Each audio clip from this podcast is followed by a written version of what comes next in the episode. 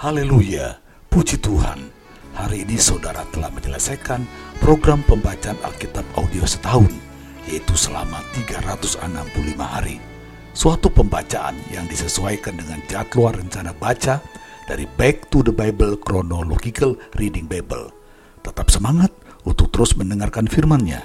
Silakan jika saudara berkenan untuk mengulang kembali dari hari pertama dan seterusnya. Tuhan Yesus memberkati.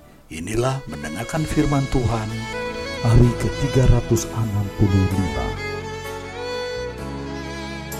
Wahyu pasal 19 Kemudian daripada itu aku mendengar seperti suara yang nyaring dari himpunan besar orang banyak di sorga. Katanya, Haleluya! Keselamatan dan kemuliaan dan kekuasaan adalah pada Allah kita sebab benar dan adil segala penghakimannya. Karena ialah yang telah menghakimi pelacur besar itu yang merusakkan bumi dengan percabulannya. Dan ialah yang telah membalaskan darah hamba-hambanya atas pelacur itu. dan untuk kedua kalinya mereka berkata, Haleluya! Ya, asapnya naik sampai selama-lamanya. dan kedua puluh empat tua-tua dan keempat makhluk itu tersungkur dan menyembah Allah yang duduk di atas tahta itu. Dan mereka berkata, Amin. Haleluya! Maka kedengaranlah suatu suara dari tahta itu. Pujilah Allah kita, hai kamu semua hambanya, kamu yang takut akan dia, baik kecil maupun besar. Lalu aku mendengar seperti suara himpunan besar orang banyak, seperti desau air bah, dan seperti deru guru yang hebat. Katanya, Haleluya! Karena Tuhan, Allah kita, yang Maha Kuasa, telah menjadi Raja. Marilah kita bersuka cita dan bersorak-sorai dan memuliakan Dia. Karena hari perkawinan anak domba telah tiba dan pengantinnya telah siap sedia. Dan kepadanya dikaruniakan supaya memakai kain lenan halus yang berkilau-kilauan dan yang putih bersih. Lenan halus itu adalah perbuatan-perbuatan yang benar dari orang-orang kudus. Lalu ia berkata kepadaku, Tuliskanlah, berbahagialah mereka yang diundang ke perjamuan kawin anak domba. katanya lagi kepadaku, Perkataan ini adalah benar, perkataan-perkataan dari Allah.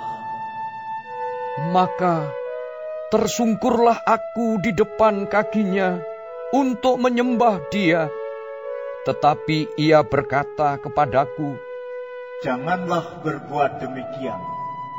Aku adalah hamba sama dengan engkau dan saudara-saudaramu yang memiliki kesaksian Yesus. Sembahlah Allah, karena kesaksian Yesus adalah roh nubuat. Lalu aku melihat sorga terbuka. Sesungguhnya ada seekor kuda putih, dan ia yang menungganginya bernama yang setia dan yang benar. Ia menghakimi dan berperang dengan adil, dan matanya bagaikan nyala api, dan di atas kepalanya terdapat banyak mahkota dan padanya ada tertulis suatu nama yang tidak diketahui seorang pun kecuali ia sendiri. Dan ia memakai jubah yang telah dicelup dalam darah, dan namanya ialah Firman Allah. dan semua pasukan yang di sorga mengikuti dia. Mereka menunggang kuda putih dan memakai lenan halus yang putih bersih. Dan dari mulutnya keluarlah sebilah pedang tajam yang akan memukul segala bangsa. Dan ia akan mengembalakan mereka dengan gada besi, dan ia akan memeras anggur dalam kilangan anggur, yaitu kegeraman murka Allah yang maha kuasa. Dan pada jubahnya dan pahannya tertulis suatu nama, yaitu Raja segala raja dan Tuan di atas segala tuan. Lalu aku melihat seorang malaikat berdiri di dalam matahari, dan ia berseru dengan suara nyaring kepada semua burung yang terbang di tengah langit. Katanya, Marilah ke sini dan berkumpullah untuk turut dalam perjamuan Allah, perjamuan yang besar, supaya kamu makan daging semua raja, dan daging semua panglima, dan daging semua pahlawan, dan daging semua kuda, dan daging semua penunggangnya, dan daging semua orang baik yang merdeka maupun hamba, baik yang kecil maupun yang besar. Dan aku melihat binatang itu, dan raja-raja di bumi serta tentara-tentara mereka telah berkumpul untuk melakukan peperangan melawan penunggang kuda itu dan tentaranya. Maka tertangkaplah binatang itu, dan bersama-sama dengan dia nabi palsu yang telah mengadakan tanda-tanda di depan matanya, dan dengan demikian ia menyesatkan mereka yang telah menerima tanda dari binatang itu dan yang telah menyembah patungnya. Keduanya dilemparkan hidup-hidup ke dalam lautan api yang menyala-nyala oleh belerang. Dan semua orang lain dibunuh dengan pedang yang keluar dari mulut penunggang kuda itu, dan semua burung kenyang oleh daging mereka. Wahyu pasal 20 Lalu aku melihat seorang malaikat turun dari surga memegang anak kunci jurang maut dan suatu rantai besar di tangannya.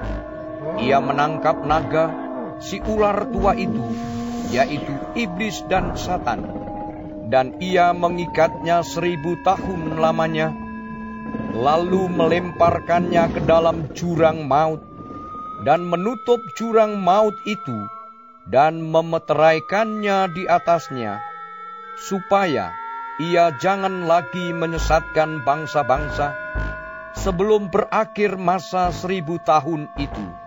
Kemudian daripada itu, ia akan dilepaskan untuk sedikit waktu lamanya. Lalu aku melihat tahta-tahta dan orang-orang yang duduk di atasnya.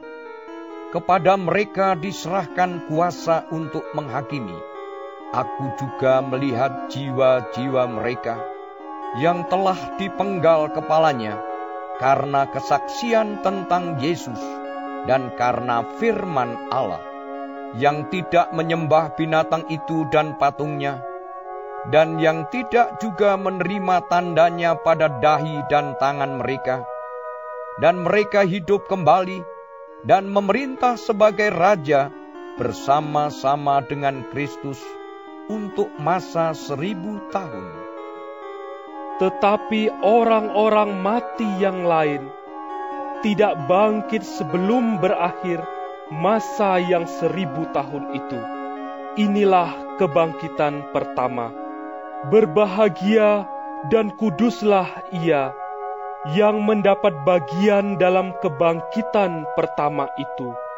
Kematian yang kedua tidak berkuasa lagi atas mereka, tetapi mereka akan menjadi imam-imam Allah dan Kristus dan mereka akan memerintah sebagai raja bersama-sama dengan dia seribu tahun lamanya.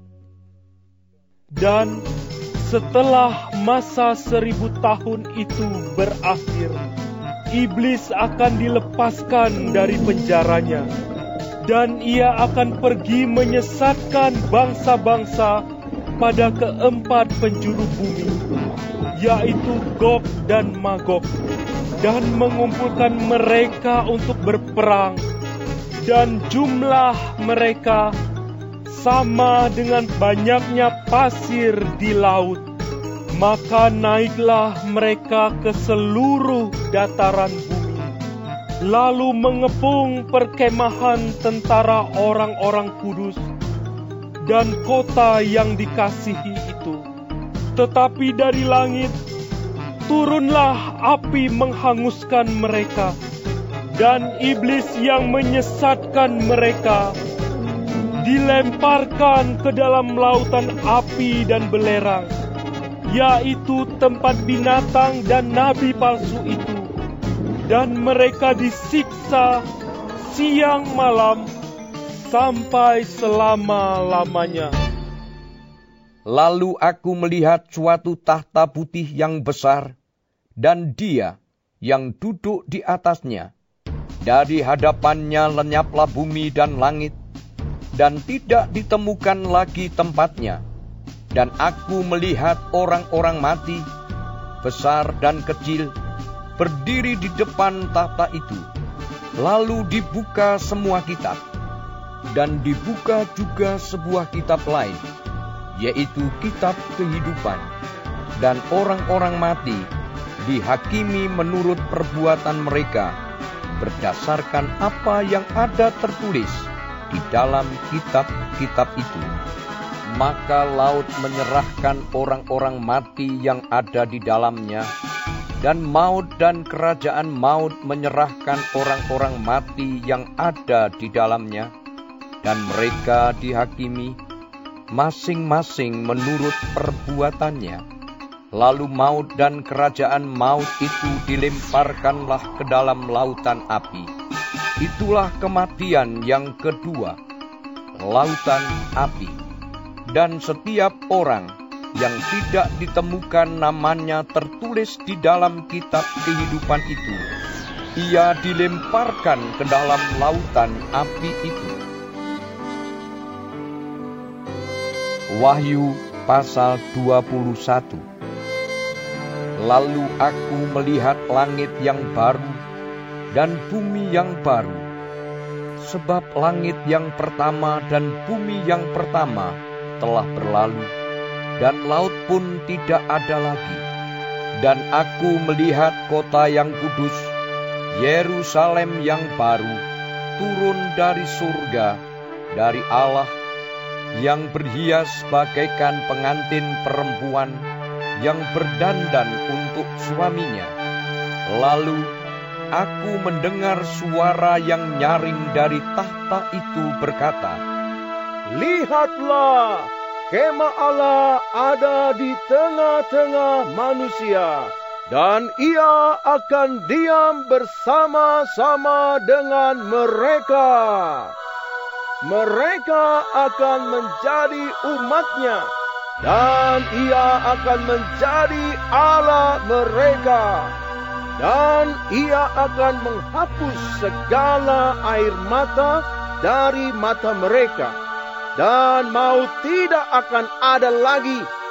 Tidak akan ada lagi perkabungan, atau ratap tangis, atau duka cita, sebab segala sesuatu yang lama itu telah berlalu.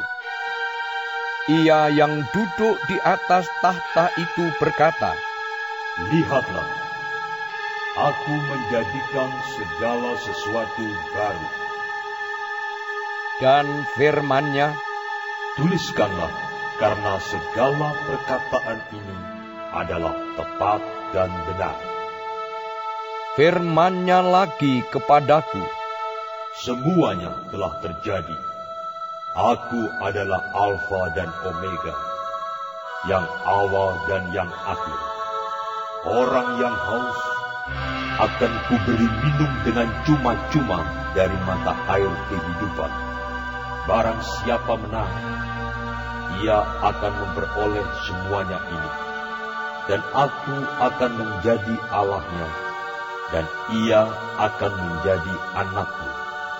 Tetapi orang-orang penakut, orang-orang yang tidak percaya, orang-orang keji, orang-orang pembunuh, orang-orang Sunda, tukang-tukang sihir, penyembah-penyembah berhala, dan semua pendusta, mereka akan mendapat bagian mereka di dalam lautan yang menyala-nyala oleh api dan belerang.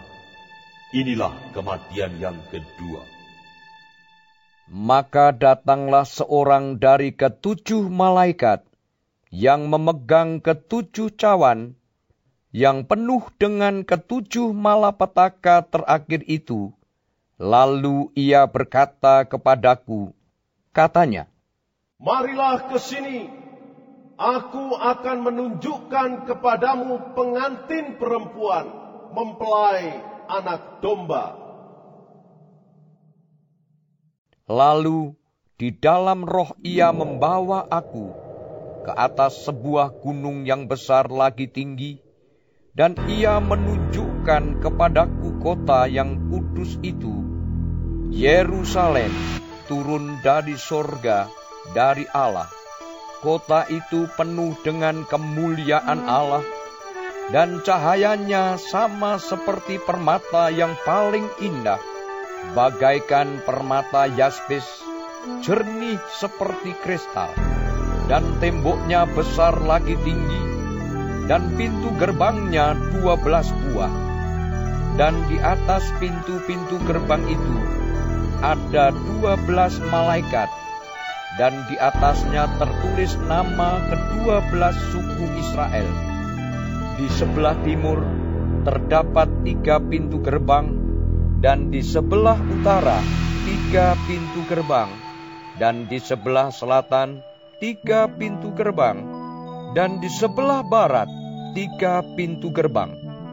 Dan Tembok kota itu mempunyai dua belas batu dasar, dan di atasnya tertulis kedua belas nama, kedua belas rasul anak domba itu. Dan ia, yang berkata-kata dengan aku, mempunyai suatu tongkat pengukur dari emas untuk mengukur kota itu serta pintu-pintu gerbangnya dan temboknya. Kota itu bentuknya empat persegi, panjangnya sama dengan lebarnya, dan ia mengukur kota itu dengan tongkat itu, dua belas ribu stadia, panjangnya dan lebarnya dan tingginya sama. Lalu ia mengukur temboknya, seratus empat puluh empat hasta, menurut ukuran manusia, yang adalah juga ukuran malaikat. Tembok itu terbuat dari permata yaspis, dan kota itu sendiri dari emas tulen, bagaikan kaca murni. Dan dasar-dasar tembok kota itu dihiasi dengan segala jenis permata.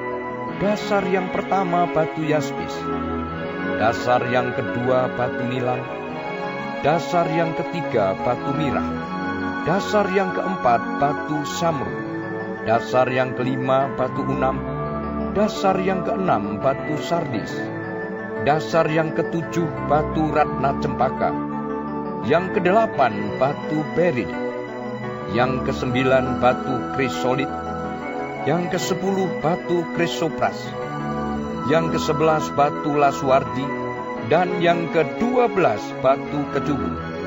Dan kedua belas pintu gerbang itu adalah dua belas mutiara setiap pintu gerbang terdiri dari satu mutiara, dan jalan-jalan kota itu dari emas murni, bagaikan kaca bening. Dan aku tidak melihat bait suci di dalamnya, sebab Allah, Tuhan yang Maha Kuasa, adalah bait sucinya. Demikian juga anak domba itu dan kota itu tidak memerlukan matahari dan bulan untuk menyinarinya, sebab kemuliaan Allah meneranginya, dan anak domba itu adalah lampunya.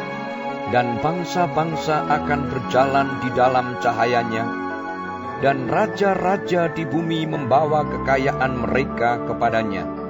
Dan pintu-pintu gerbangnya tidak akan ditutup pada siang hari, sebab malam tidak akan ada lagi di sana.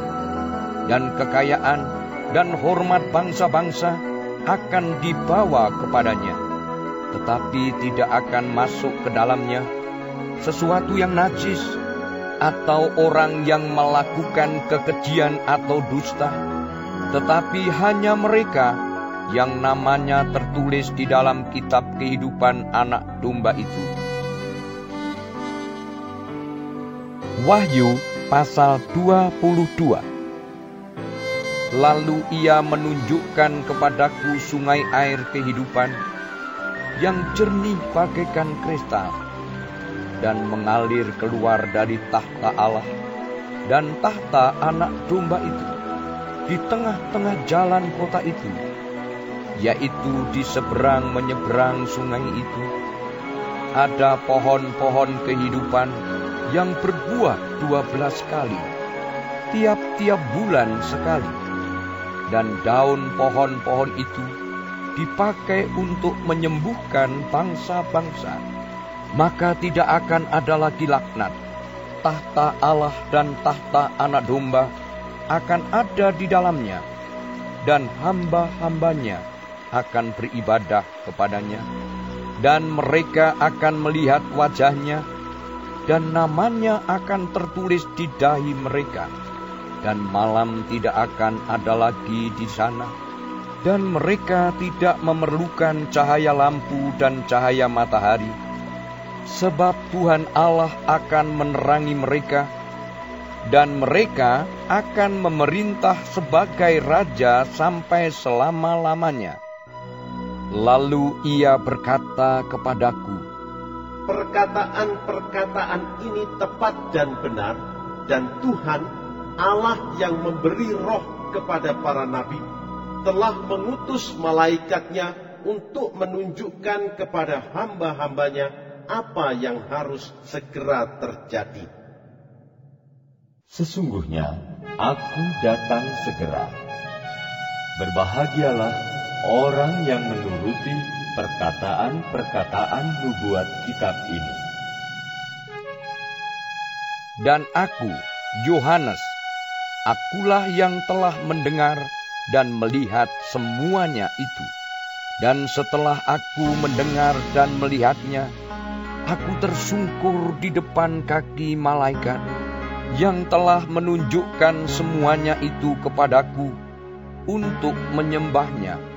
Tetapi ia berkata kepadaku, Jangan berbuat demikian. Aku adalah hamba, sama seperti engkau dan saudara-saudaramu para nabi, dan semua mereka yang menuruti segala perkataan kitab ini. Sembahlah Allah.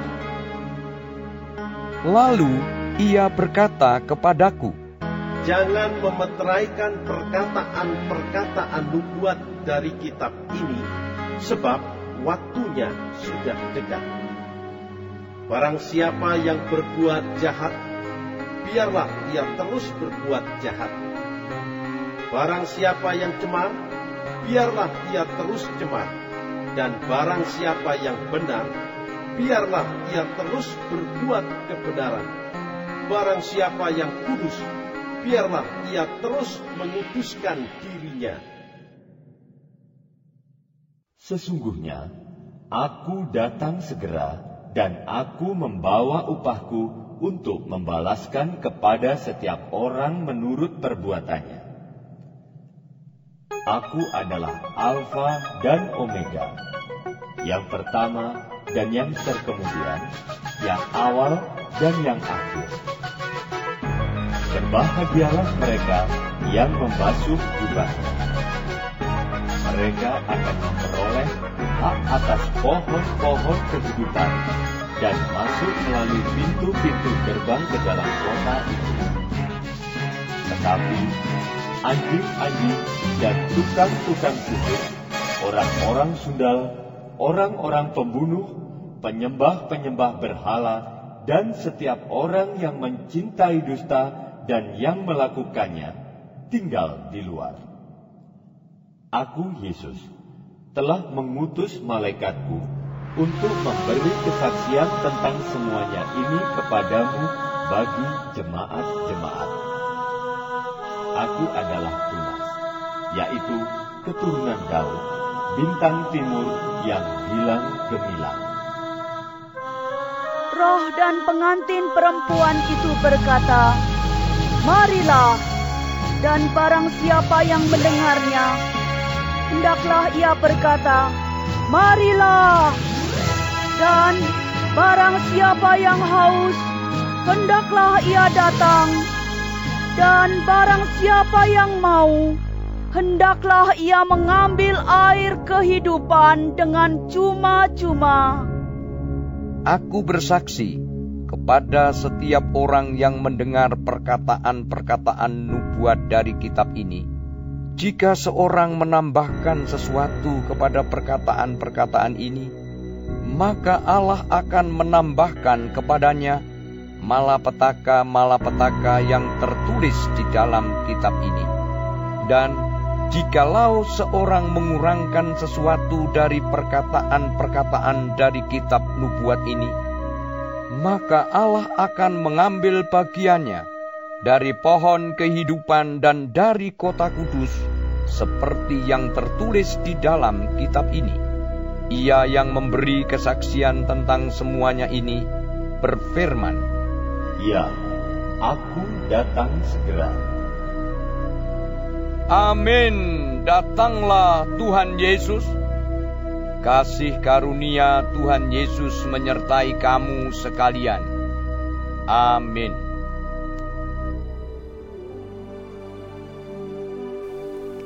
Puji Tuhan, selesai sudah saudara membaca seluruh firman Tuhan melalui mendengarkan firman-Nya secara audio. Tetap semangat untuk terus mendengarkan firman-Nya Silakan jika saudara berkenan untuk mengulang kembali dari hari pertama dan seterusnya.